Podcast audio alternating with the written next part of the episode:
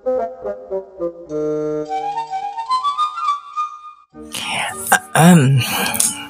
ya satu dua tiga. Halo semuanya kembali lagi bersama Rido Roti. Nah, aduh teman-teman baru uh, aku ceritain sedikit ya. Ini sebenarnya uh, kalau aku ya dari rekaman poles kaca ini baru merekam sejak uh, baru merekam hari ini.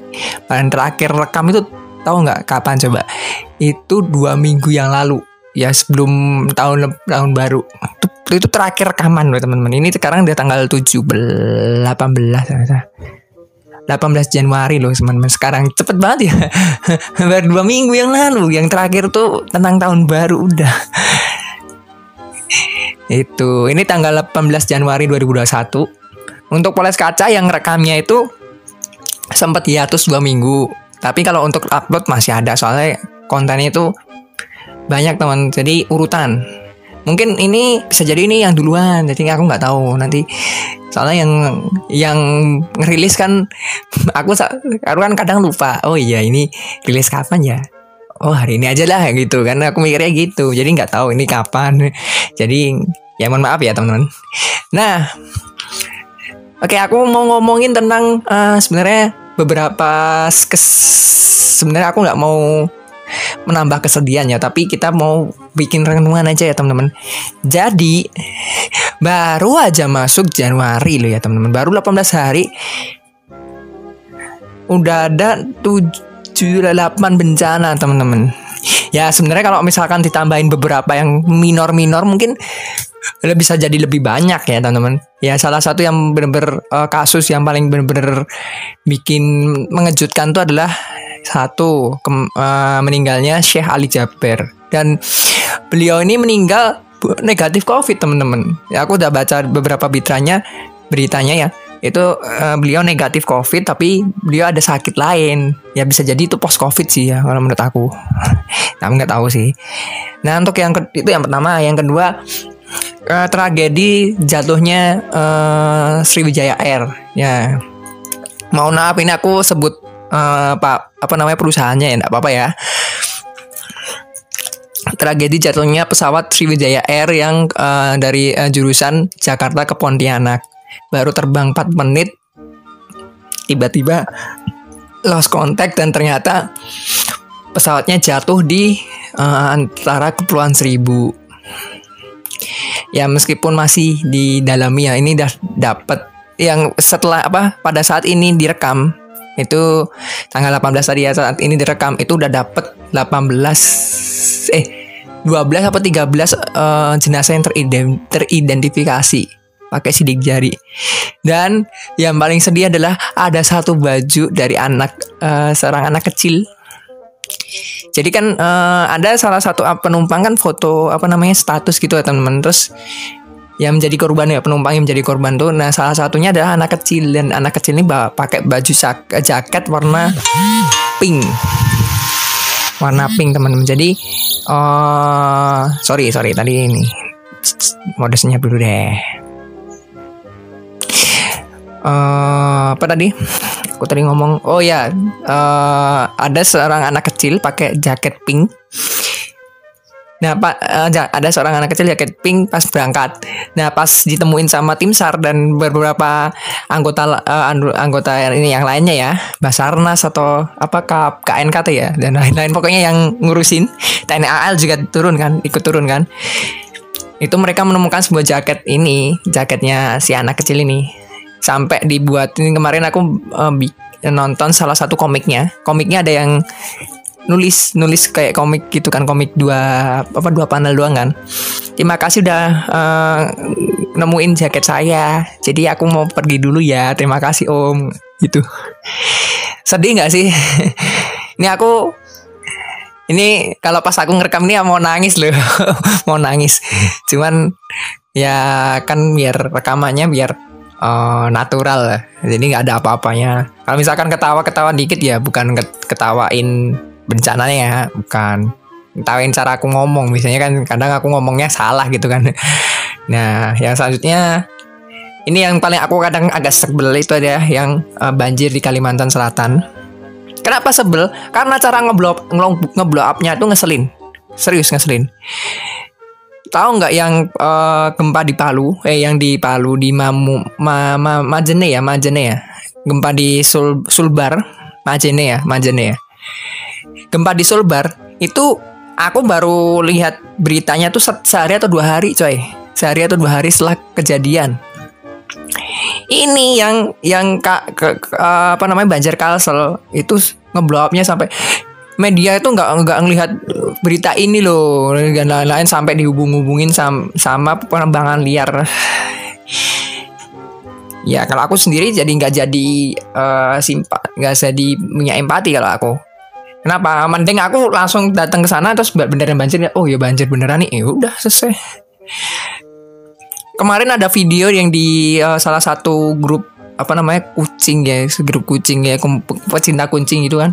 Ada salah satu orang ngevideoin kan ada banjir tuh. Terus ngevideoin anak uh, dia nyamatin anak kucing tiga. Bayangin. Di situ aku langsung terenyuh di situ. Maksudnya terenyuh itu kalau bahasa Indonesia nya tuh kayak eh, mengasih empati ada sampai ada yang uh, nyamatin kucing juga di di foto. Di foto juga. Ini dia uh, beliau ini nyamatin kucing dari banjir. Bila satu kapal tuh isinya cuma kucing doang coy. Gila nggak? Nah aku yang aku lebih suka berita-berita yang seperti itu. Nggak usah pakai ngomong media ini nggak nggak ngapain? Bilang aja ini banjir selesai. Daerah anu Kalimantan Selatan banjir mohon doanya gitu loh. Selesai. Nggak usah pakai pakai embel-embel eh, kayak gituan.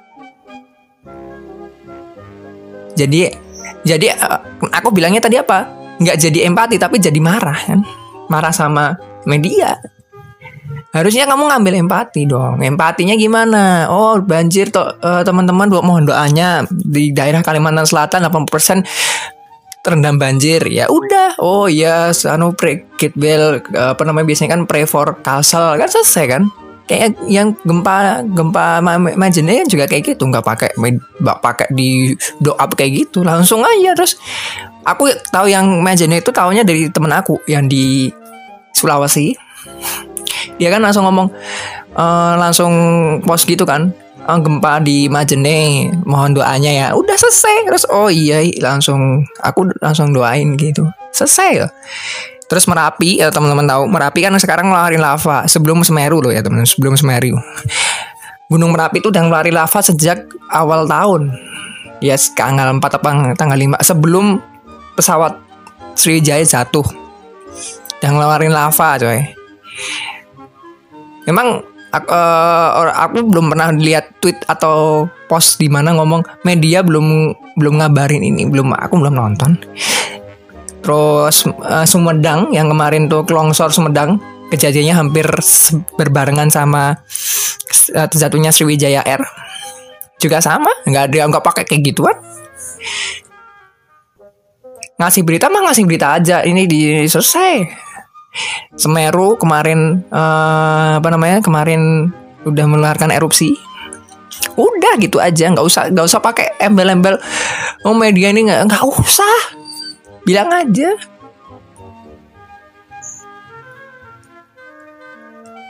Benar. Tinggal beritain aja susahnya apa sih? Tinggal uh, di sini uh, ada ke, uh, musibah ini tolong doakan. Selesai. Nanti pasti bakal ada yang uh, pak, apa namanya bantuan kemanusiaan pasti ada dengan menggunakan uh, apa dengan pakai kayak gitu kita seolah-olah nggak jadi empati sama kalian. Nah, aku mending marah marahin media. Media emang kadang ngeselin. Jadi gitu kan nggak jadi empati ke kalian ngapain? Nggak nggak nggak bantuin sekarang. Makanya aku udah bilang terus apalagi yang uh, tentang akibat dari penebangan hutan gak usah pakai itulah. Nggak usah pakai itu udah langsung bilang aja ini uh, apa namanya ini banjir selesai. Di Solo juga banjir kemarin. Pas aku aku tahunya dari mana coba? Dari uh, postingan IG dari uh, Solo Info, Solo Info dan kawan-kawan. Kan itu jadi satu kan adminnya sama adminnya itu kan satu satu apa namanya satu geng kan. Uh, di, jadi di bagian selatan uh, di, di bagian selatan Solo uh, lebih tepatnya di Tenggara itu sering terjadi banjir sering. Karena di bagian Tenggara itu memang dekat sama uh, apa namanya Sungai Bengawan Solo. Dan kedua daerahnya rendah tanah rendah di situ. Jadi sering banget langganan di situ. Kalau udah hujannya udah bener-bener terlalu tinggi gitu udah eh apa intensitasnya terlalu sering atau mungkin volumenya terlalu tinggi udah pasti banjir di situ Tau juga nggak terlalu nggak nggak minta uh, media ngeblow up sih. Ya udah aku langsung pas nonton oh aku langsung ngasih empati ya Allah. Semoga cepet semoga cepet rendah. Karena Solo itu uh, dari dulu tuh terakhir banjir tuh tahun pada saat bapakku masih kecil itu terakhir banjir coy. Bapakku masih kecil tuh paling itu terakhir banjir. Karena apa? Karena pada saat itu belum ada pompa. Sekarang udah ada pompa jadi ketika udah ketahuan banjir paling yang kena banjir ya di situ terus. Tapi tidak seperti tidak separah waktu bapakku waktu bapak masih kecil. Bapakku tuh dulu masih kecil tuh pernah cerita sama aku. Dulu Solo tuh banjir dek ya banjir dari aku dari aku lahir sampai sekarang belum pernah banjir kok. Bapakku udah pernah ngasain banjir sih. Terus bapakku cerita. Jadi dulu kan bapak rumahnya di selatan di selatan di dekat uh, rel di situ kan. Deket rel ya which is itu sebenarnya deket sama kantornya bapakku. Eh uh, kantornya kakekku. Uh, dulu di tahun 19 berapa ya? 1965 atau 70 itu pernah banjir. Di daerah itu karena bapak cerita tuh waktu SD waktu bapakku SD ya sekitar rentang itu pernah banjir dan banjirnya banjir banjir bandang lagi. Itu rumahku yang sekarang yang uh, sekarang aku tempati di paling utara itu belum ada rumahnya Dan emang di rumah paling utara itu yang kalau teman-teman tahu di Solo itu kan ada tem eh, konturnya teman-teman di Solo itu yang bagian utara itu pasti gunung-gunung. Ke arah Seragen tuh gunung doang. Ya dan itu pegunungan kapur ke ke Seragen. Meskipun yang bagian timurnya itu nggak terlalu gunung, jadi dia langsung datar biasa. Cuman kalau yang Solo ke utara itu udah uh, uh, perbukitan tapi bukit kapur. Makanya dulu di rumahku kan sering di dikaitkan dengan uh, susahnya dapat air. Nah sekarang udah ada udah gampang. Sumurnya udah ada soalnya. Tuh. Terus kemarin juga uh, banyak sih ya. Kalau mau ngomongin musibah-musibah banyak. Uh, Aku di sini mau sebenarnya mau podcast renungan tapi gara-gara um, pas nyebut banjir kalsel terus keinget masalah itu aku langsung ngomong aja sih. Sampai aku bikin status coy. Sebenarnya gini, kita kita uh, bagian pertama tuh yang ren dulu ya, ren dulu. Ngapain sih pakai kayak ngomong media nggak usah apa media Kap, mana nih media nggak ngeblow up ngapain juga sih ya Allah jadi uh, aku kalau bahasa aku itu intinya nggak nangkep intinya kamu mau ngeberitain banjir Kalsel selesai kan? Intinya kamu mau memberitakan banjir Solo. Intinya kamu mau memberitakan Sriwijaya R jatuh maksudnya Sriwijaya R SC 182 jatuh. Tapi dengan cara kamu kayak gitu seolah-olah kita malah mar marahnya bukan ke apa kita nggak ngasih empati ya nggak ngasih empati nggak ngasih uh, ini tapi malah marah sama yang yang lain. Salah satu contohnya paling yang paling jelas adalah ketika uh, SC182 yang pesawatnya itu dikasih tahu umurnya 26 tahun. Banyak orang berspekulasi bahwa dan dan yang kedua adalah uh, pesawat itu nggak pernah digunain selama 9, 9 bulan karena pandemi ya, karena pandemi. Ya jelas lah karena pandemi yang nggak mungkin dipakai lah. Terus 26 tahun itu adalah umur-umur biasa nggak ngaruh. Umur mau umur lima tahun mau umur 50 tahun pesawat tuh nggak ngaruh. Sama kayak mobil. Cuman kan bedanya kalau mobil kamu semakin kamu pakai sering dan kamu pak uh, kalau bahasa aku itu dur didur atau di di push terus ke maksimalnya tiap hari ya itu bakal rusak. Berapa kali rusak. Kalau misalkan cuma pakai penerbangan di istirahatin penerbangan di perawatan ya nggak bakal. Mau 50 tahun mau 100 tahun ya nggak masalah paling kalau 100 tahun kan beda beda zaman kan. Beda teknologi aja udah gitu doang kan. Nggak ngaruh. Tapi dengan adanya berita itu kita malah marah ke pihak Sriwijaya Air-nya. Kan kocak kan? Makanya dulu uh, pada saat uh, jatuhnya Sriwijaya Air ada salah satu orang ya ini juga sama Twitter. Tuh sampai nge-nulis nggak usah ngulik-ngulik kesedihan orang nggak usah ngulik-ngulik ini nggak usah ngulik-ngulik awal uh, awal mula apa uh, karakteristiknya pesawat nggak usah ngulik-ngulik semuanya udah. Kita kita berdoa supaya uh, jenazahnya cepat ketemu dan uh, semuanya baik-baik aja gitu kan. Itu loh yang sebenarnya uh, apa namanya itu loh yang kalau misalkan kita nemu musibah itu harusnya itu yang dipegang itu sama kayak teman-teman, mohon maaf nih ya, teman-teman punya tetangga yang sedang mohon maaf ya nih meninggal. Ya udah kan kalau meninggal udah tinggal di tinggal di kubur udah selesai gitu kan. Gak usah lah pakai dulu uh, tetangga ini punya apa-apa ngapain gitu. Itu sampai uh, dulu kan ada tetanggaku mohon maaf ya ini aku mungkin kalau misalkan tetanggaku ada yang dengerin tetangga tetanggaku itu kan meninggal kan ada uh, meninggal pas ya pas awal covid dulu kan tapi bukan karena covid ya teman-teman itu karena uh, kanker tapi nggak pernah ngasih tahu ke orang tuanya Nah pada saat ibuku tuh tahu, ibuku tahu terus pas karena pas mandiin ibuku yang enggak, ya, ibuku salah satu yang mandiin. Pas lihat, walah pantesan kanker ini. Tapi beliau nggak ngomong. Ibuku tuh nggak ngomong terus habis itu dia cerita uh, after uh, apa itu? Dia cerita ke ke ya keluarganya yang meninggal uh, keluarga keluarga orang apa keluarganya si uh, tetanggaku yang meninggal ini ceritain. Nah ini kanker no. Hah? Lah aku nggak tahu. Iya nggak pernah cerita. Oh ya udah. Dikasih tahu oh, ini kanker no. Ibuku yang ngasih tahu. Jadi ibuku cerita ke aku ke ke keluarga. Ya itu yang maksudnya ini dia nu Makanya terus dia tuh kan bilangnya, ya kalau ada berita kayak gini dikip aja. ya bener. Dan yang kedua yang tadi kalau ada berita ya udah kan nggak kasih kabar nggak usah pakai oh mana ini RT mana ini ketua RT-nya nggak tahu kalau ada tetangga yang meninggal ngapain orang prosedurnya adalah ya kalau misalkan ada uh, tetangga yang meninggal kan ngasih ngasih tahu langsung kabar ke ngasih kabar ke kepala apa ketua RT ya. Sama kalau misalkan ada banjir ada itu kan ngasih ngabarin ke wali kota dulu kan. Ngapain harus ng ngabarin ke media? Itu sama kayak sama kayak tetanggaku meninggal tapi aku ngabarinya ke ke ke RW lain. Ngapain? Bukan urusan juga kan baratnya gitu. Nanti nanti suatu saat nanti kalau misalkan oh ini emang uh, harus kita harus nyari apa namanya mau menggalang dana atau apa pun lah atau what, whatever it is lah. Ya barulah gitu, uh, media di situ bergerak gitu loh. Kayak pesawat SJ 182 uh, salah satu sebenarnya yang uh, salah satu hal yang aku mohon maaf ini ya mungkin yang pertama keren dulu ya. Yang aku sebenarnya agak sedikit jengkel dari kejadian pesawat satu SC182 adalah dua hari yang lalu kalau salah ya.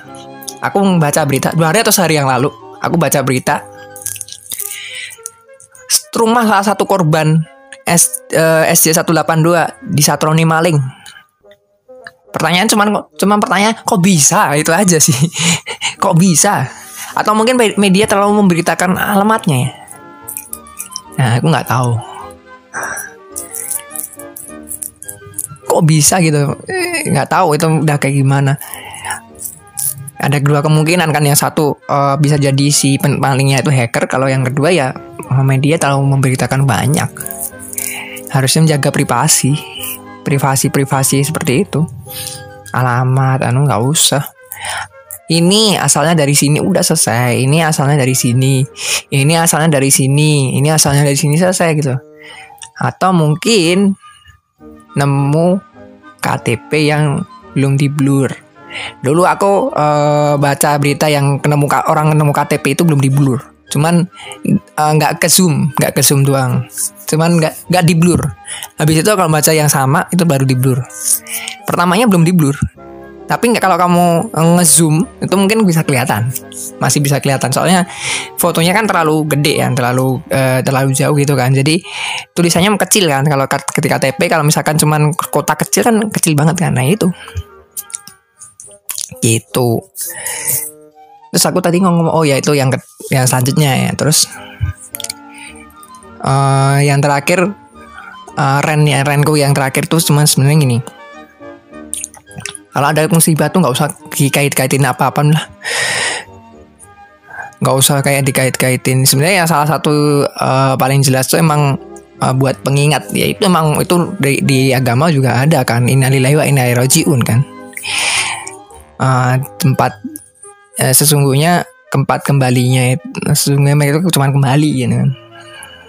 Bahasanya.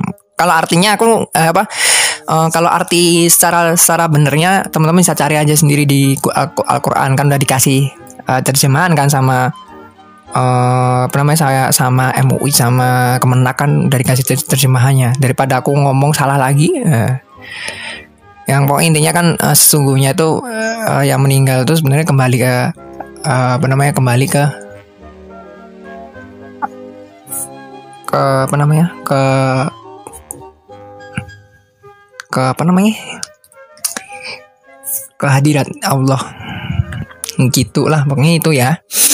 Renku udah selesai. Kayak kita sekarang renungan. Nah ini yang aku sebenarnya pada saat uh, sebenarnya aku pengen bikin konten pas uh, almarhum Sehari Jaber meninggal. Bukan karena uh, memanfaatkan kondisi ya tapi kontennya adalah renungan sebenarnya cuman ternyata rentetan bencananya banyak ya udah sekalian ya belum ini belum lagi uh, akhir Januari ini bakal ada apa lagi aku nggak tahu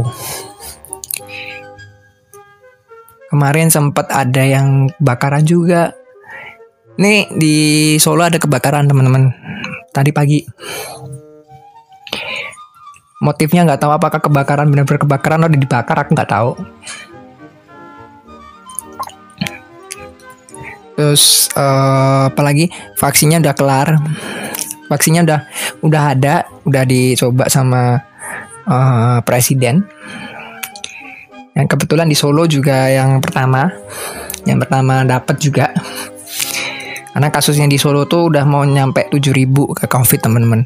Pada awalnya cuma 100. Itu pun rekor loh teman-teman. 100 eh 200 itu sampai November coy. 200 itu sampai November. Padahal awalnya cuma 5, 10, 5, 100, 100 ya 100 itu baru nyampe 100 tuh Mei. Awalnya kan teman-teman tahu kan Solo kan yang pertama meninggal kan.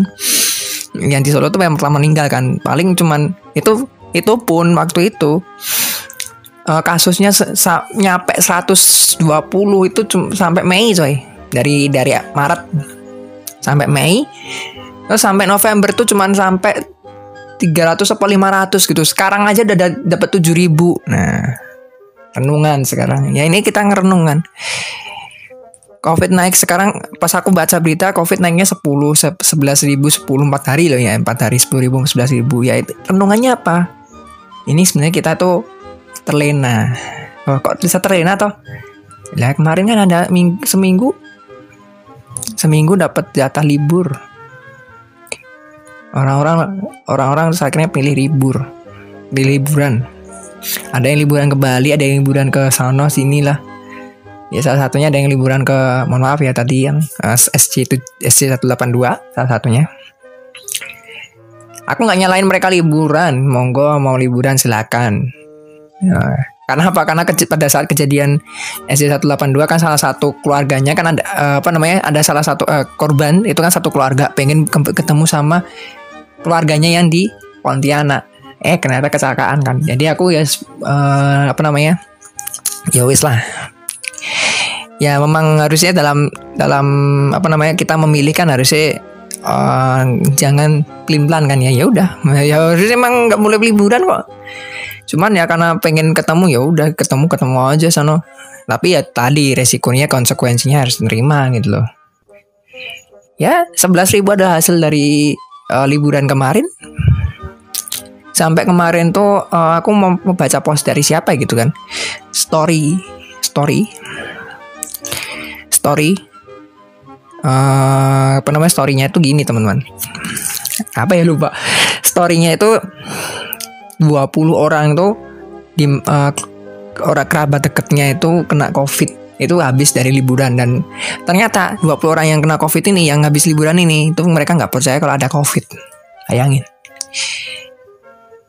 Uh, teman-teman tahu nggak pada saat itu pada saat uh, seminggu atau dua minggu yang lalu tetanggaku kan ada yang meninggal covid kan covid 19 itu uh, dulu tuh apa namanya ceritanya tuh asal usul punya usul, apa usul punya usul tuh si yang meninggal ini almarhum yang meninggal ini ternyata menghadiri sebuah acara resepsi. Tetapi dia yang kayak istilahnya kayak menggantikan orang yang seharusnya. Jadi dia yang diundang. Dan beliau ini beliau inilah yang terus habis itu beliau lah kena beliau kena. Dan ternyata sempat sholat bareng aku. Cuman itu pada saat kasusnya itu beliau masih batuk-batuk doang biasa batuk biasa. Belum belum batuk parah banget tapi batuk biasa. Dan itu ternyata itu adalah sholat terakhir bersama beliau. Karena uh, cerit, uh, menurut ceritanya tetanggaku dan bapakku juga. Kan bapakku kan anak masjid sekarang sih bapakku. Ini cerita uh, si ini uh, tetanggaku ini yang meninggal karena covid ini udah lama nggak ke masjid. Karena biasanya jadwalnya beliau tapi beliau nggak datang jadwalnya beliau beliau jadi imam tapi beliau nggak datang jadi diganti kan. Dan itu udah lebih dari 14 hari. Bayangin lebih dari 14 hari. Jadi ngapain di, di apa namanya ngapain masjidnya di uh, di apa namanya di ditutup ngapain gitu. Kan apa namanya uh, tetanggaku yang meninggal ini kan udah lama ndak ke masjid. Dan itu ternyata benar yang terakhir itu ternyata kan uh, pada saat beliau mengimamin sholat itu kan sempat hampir batuk-batuk di akhir-akhirnya itu sempat batuk-batuk. Terus waduh ini. Aku sampai mikir waduh jangan-jangan nih. Aku sampai mikir pas pas mau pulang aduh jangan-jangan nih. Ya, ternyata beneran. Karena emang ciri khasnya emang ganti kelihatan. Jadi pas pada saat beliau biasanya beliau ya katakanlah kalau misalkan karena usia atau karena penyakit paru-paru lain lah katakanlah gitu. Nggak nggak separah waktu uh, ngimamin ini. Pada saat ngimamin ini kok kayak rasa oh kok kayak aneh gitu loh. Gitu perasaanku kayak waktu itu gitu. Terus akhirnya ternyata ya benar bener. Nah tapi balik lagi ke tadi uh, renungannya adalah konsekuensi. Kita ketika kita milih ya itu konsekuensinya. Banjir ini nggak bisa jadi emang karena penebangan hutan tapi nggak kita nggak harus nyambung nyambungin ke penebangan hutan. Kalimantan kan sebagian besar kan ada yang rawa kan teman-teman. Ya enggak no, aku belajar ini dari geografi ya kalau misalkan kau enggak kok anu datarannya tinggi katakanlah gitu ya udah salahin guru geografi kalian enggak aku waktu di sekolah tuh dulu kasih tahu uh, di Kalimantan tuh tempatnya tuh rawa-rawa sama hutan-hutan. Jadi wajar kalau misalkan banjir. Sama kayak dulu eh, salah satu youtuber favoritku juga pernah cerita. Uh, dulu rumah saya yang di sana itu adalah rawa-rawa. Sekarang dibangun banyak banyak hal. Terus pas banjir ngeluh. Sadar diri dong. Dulu rawa ya bener lah banjir bener kan kalau dulu awal atau sekarang dibangun terus habis itu di tempat itu banjir ya ya jelas kan bisa jadi seperti itu tapi bukan berarti aku nyalahin oh yang penebang hutan apa nyalahin yang uh, rawa-rawa terus dibangun bangunan aku nggak nyalahin itu ya aku nggak ada insert nyalahin tapi kita ngomong renungan tadi aku bilang renungan. Setiap pilihan ada konsekuensi. Kalau kamu mau bikin rumah di rawa monggo. Kalau misalkan uh, terus ujung-ujungnya banjir ya udah gitu kan. Itu namanya konsekuensi. Ya kita mau gimana lagi gitu. Kita harusnya uh, pada saat kita banjir kita harusnya apa kita kena banjir harusnya intros, introspeksi diri. Bukan terus nyalah nyalahin orang nyalah nyari nyari nyari kesalahan orang lain. Ngapain gitu?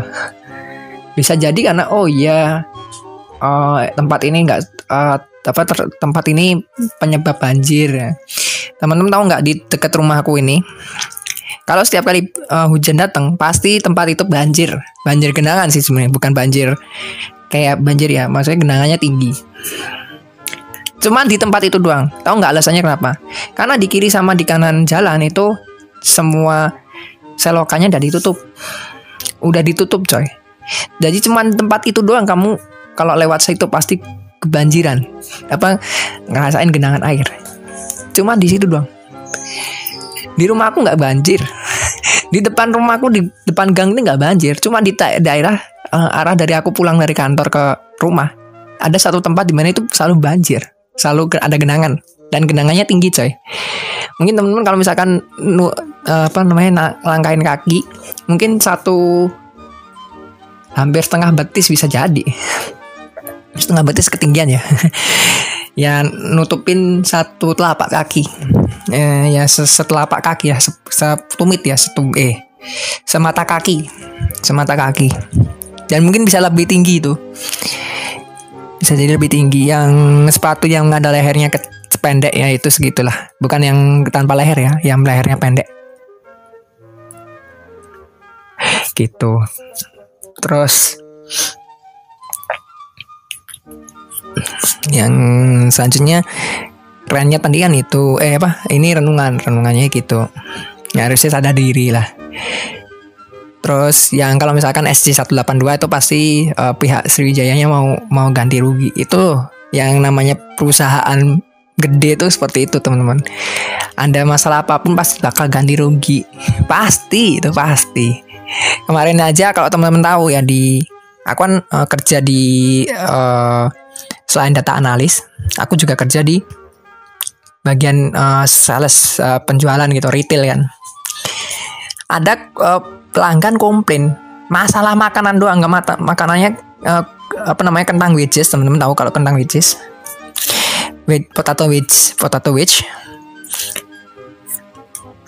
Potato wedge itu kan uh, apa namanya biasanya kan tanpa kulit kan teman-teman. Nah itu ada kulitnya. Nah si pembelinya itu nggak tahu kalau ada ada kulitnya. Atau sampai waktu dimasak ternyata nggak enak. Terus dia cerita ke kita anu gini gini gini gini rasanya nggak enak. Tahu nggak apa yang dilakuin oleh kita kami? Dari manajerku langsung ngomong udah ganti aja Mas Rido. Oke siap ganti. Bayangin. Itu serius. Perusahaan pasti mau ganti asalkan ngikutin prosedur. Kalau teman-teman belanja di apa namanya belanja di supermarket kalau nggak dikasih nota teman-teman bayarannya gratis loh. Nggak dikasih nota loh belanjaan teman-teman gratis. Tapi syaratnya ya ketika ketika keluar kalau nggak ngomong ya udah itu.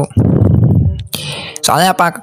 Oh, ngilangin nota gampang coy. Ngilangin nota gampang. Kalau misalkan kita nggak ngeprint misalkan uh, apa namanya kita sebagai pen, uh, sebagai kasir nggak ngeprint sama kita kasir ngeprint tuh gampang buat ngilangin nota coy kalau misalkan kita ngeprint ya kalau kita sebagai kasir ngeprint kamu tinggal jalan kaki terus buang aja terus kamu ngomong kan bisa kan?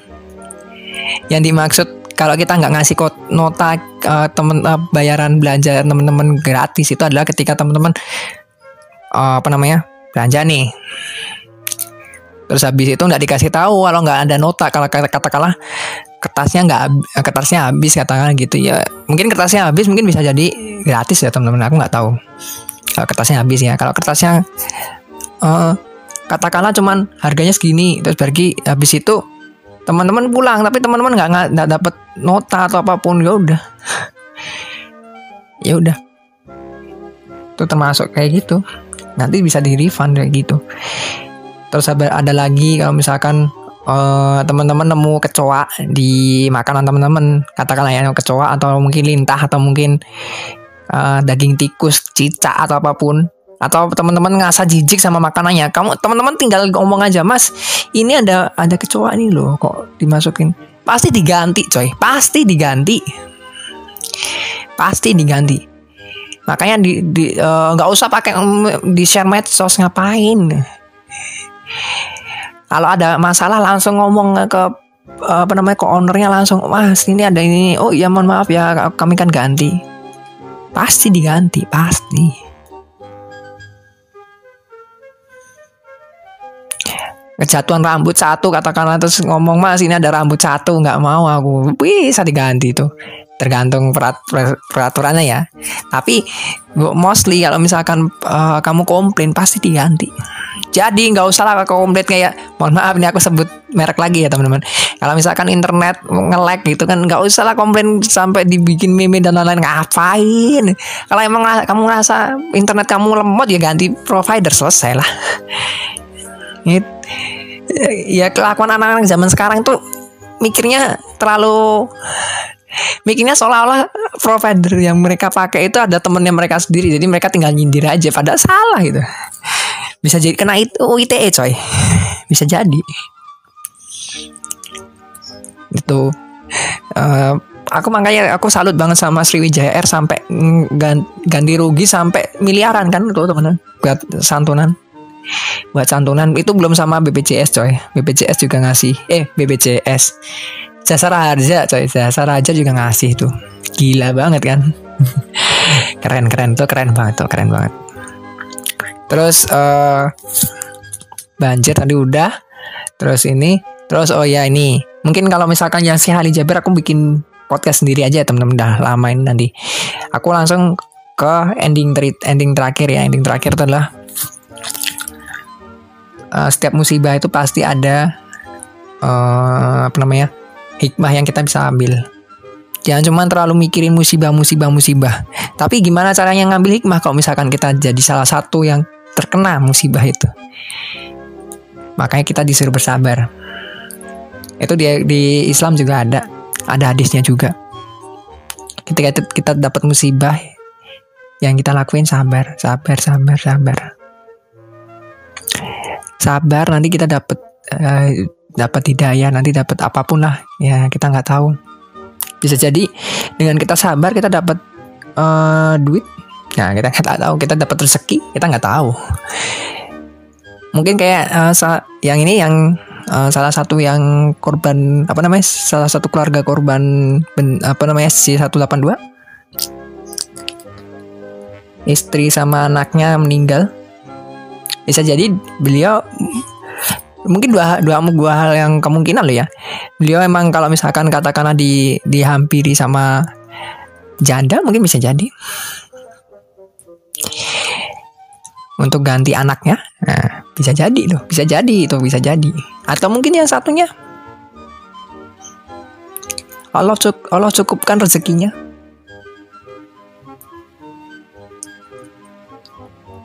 Bisa jadi kan kita nggak tahu makanya dulu aku uh, percaya banget kalau misalkan ada musibah pasti ada uh, hikmah di belakangnya.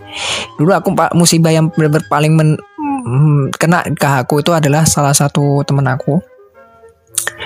Marah-marah. Marah-marah bener-bener marah-marah. Dan di grup lagi kan marah-marah sampai ngancem kan aku blokir kamu lah. Ya mungkin kalau misalkan kamu dengerin nah ini aku kasih tahu.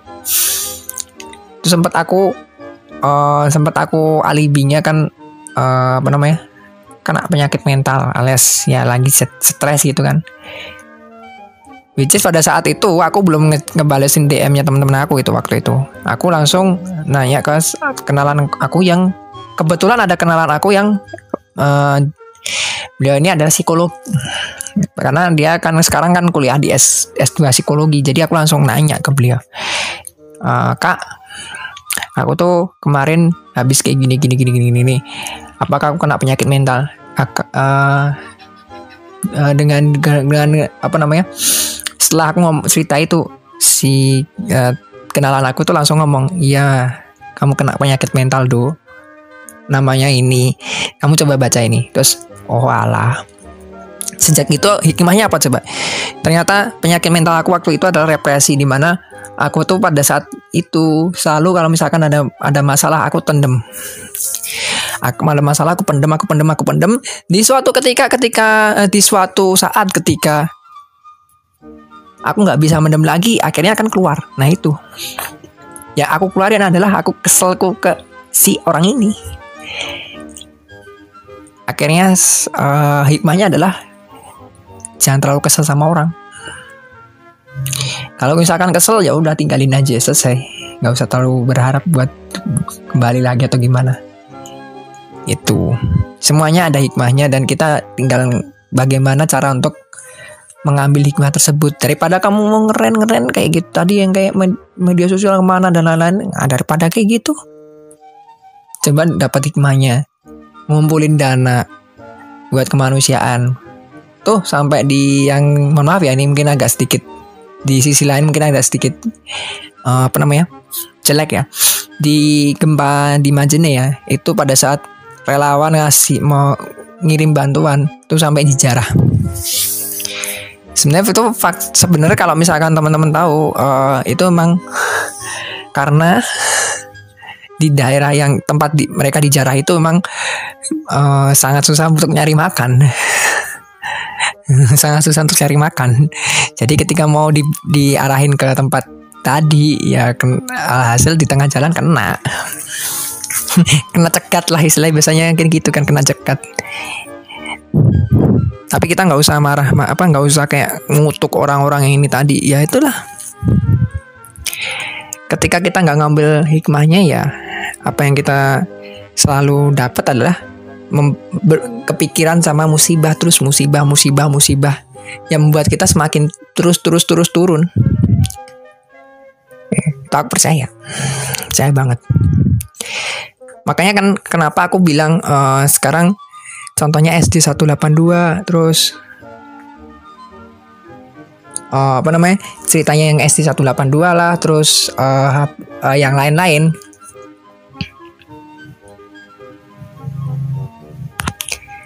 ceritanya yang lain-lain. Itu aku nggak terlalu nyari-nyari kayak kesegian orang keluarga atau anu nggak nggak terlalu sih. Cuma ya waktu yang itu yang nemuin bajunya anaknya itu apa si adiknya itu ya paling kesediaanku paling paling mentoknya itu aja. Misalnya bayangin keluarganya kayak gimana terus ngapain juga dikulik-kulik. Nggak aku nggak terlalu suka yang kayak gituan makanya aku nggak nggak nggak ambil berita yang kayak gitu terus dikait-kaitin 18 bagi 29 ngapain juga aku darullah mah aku darullah aja gitu loh gitu Nah, untuk selain ini selanjutnya ini bakalan ada konten buat Asia Ali Jaber untuk apa namanya? Aku ngerekam ya pas aku ngerekam ya ini. Jadi mau mau aku cut dulu sebenarnya teman-teman. Makasih yang udah dengerin.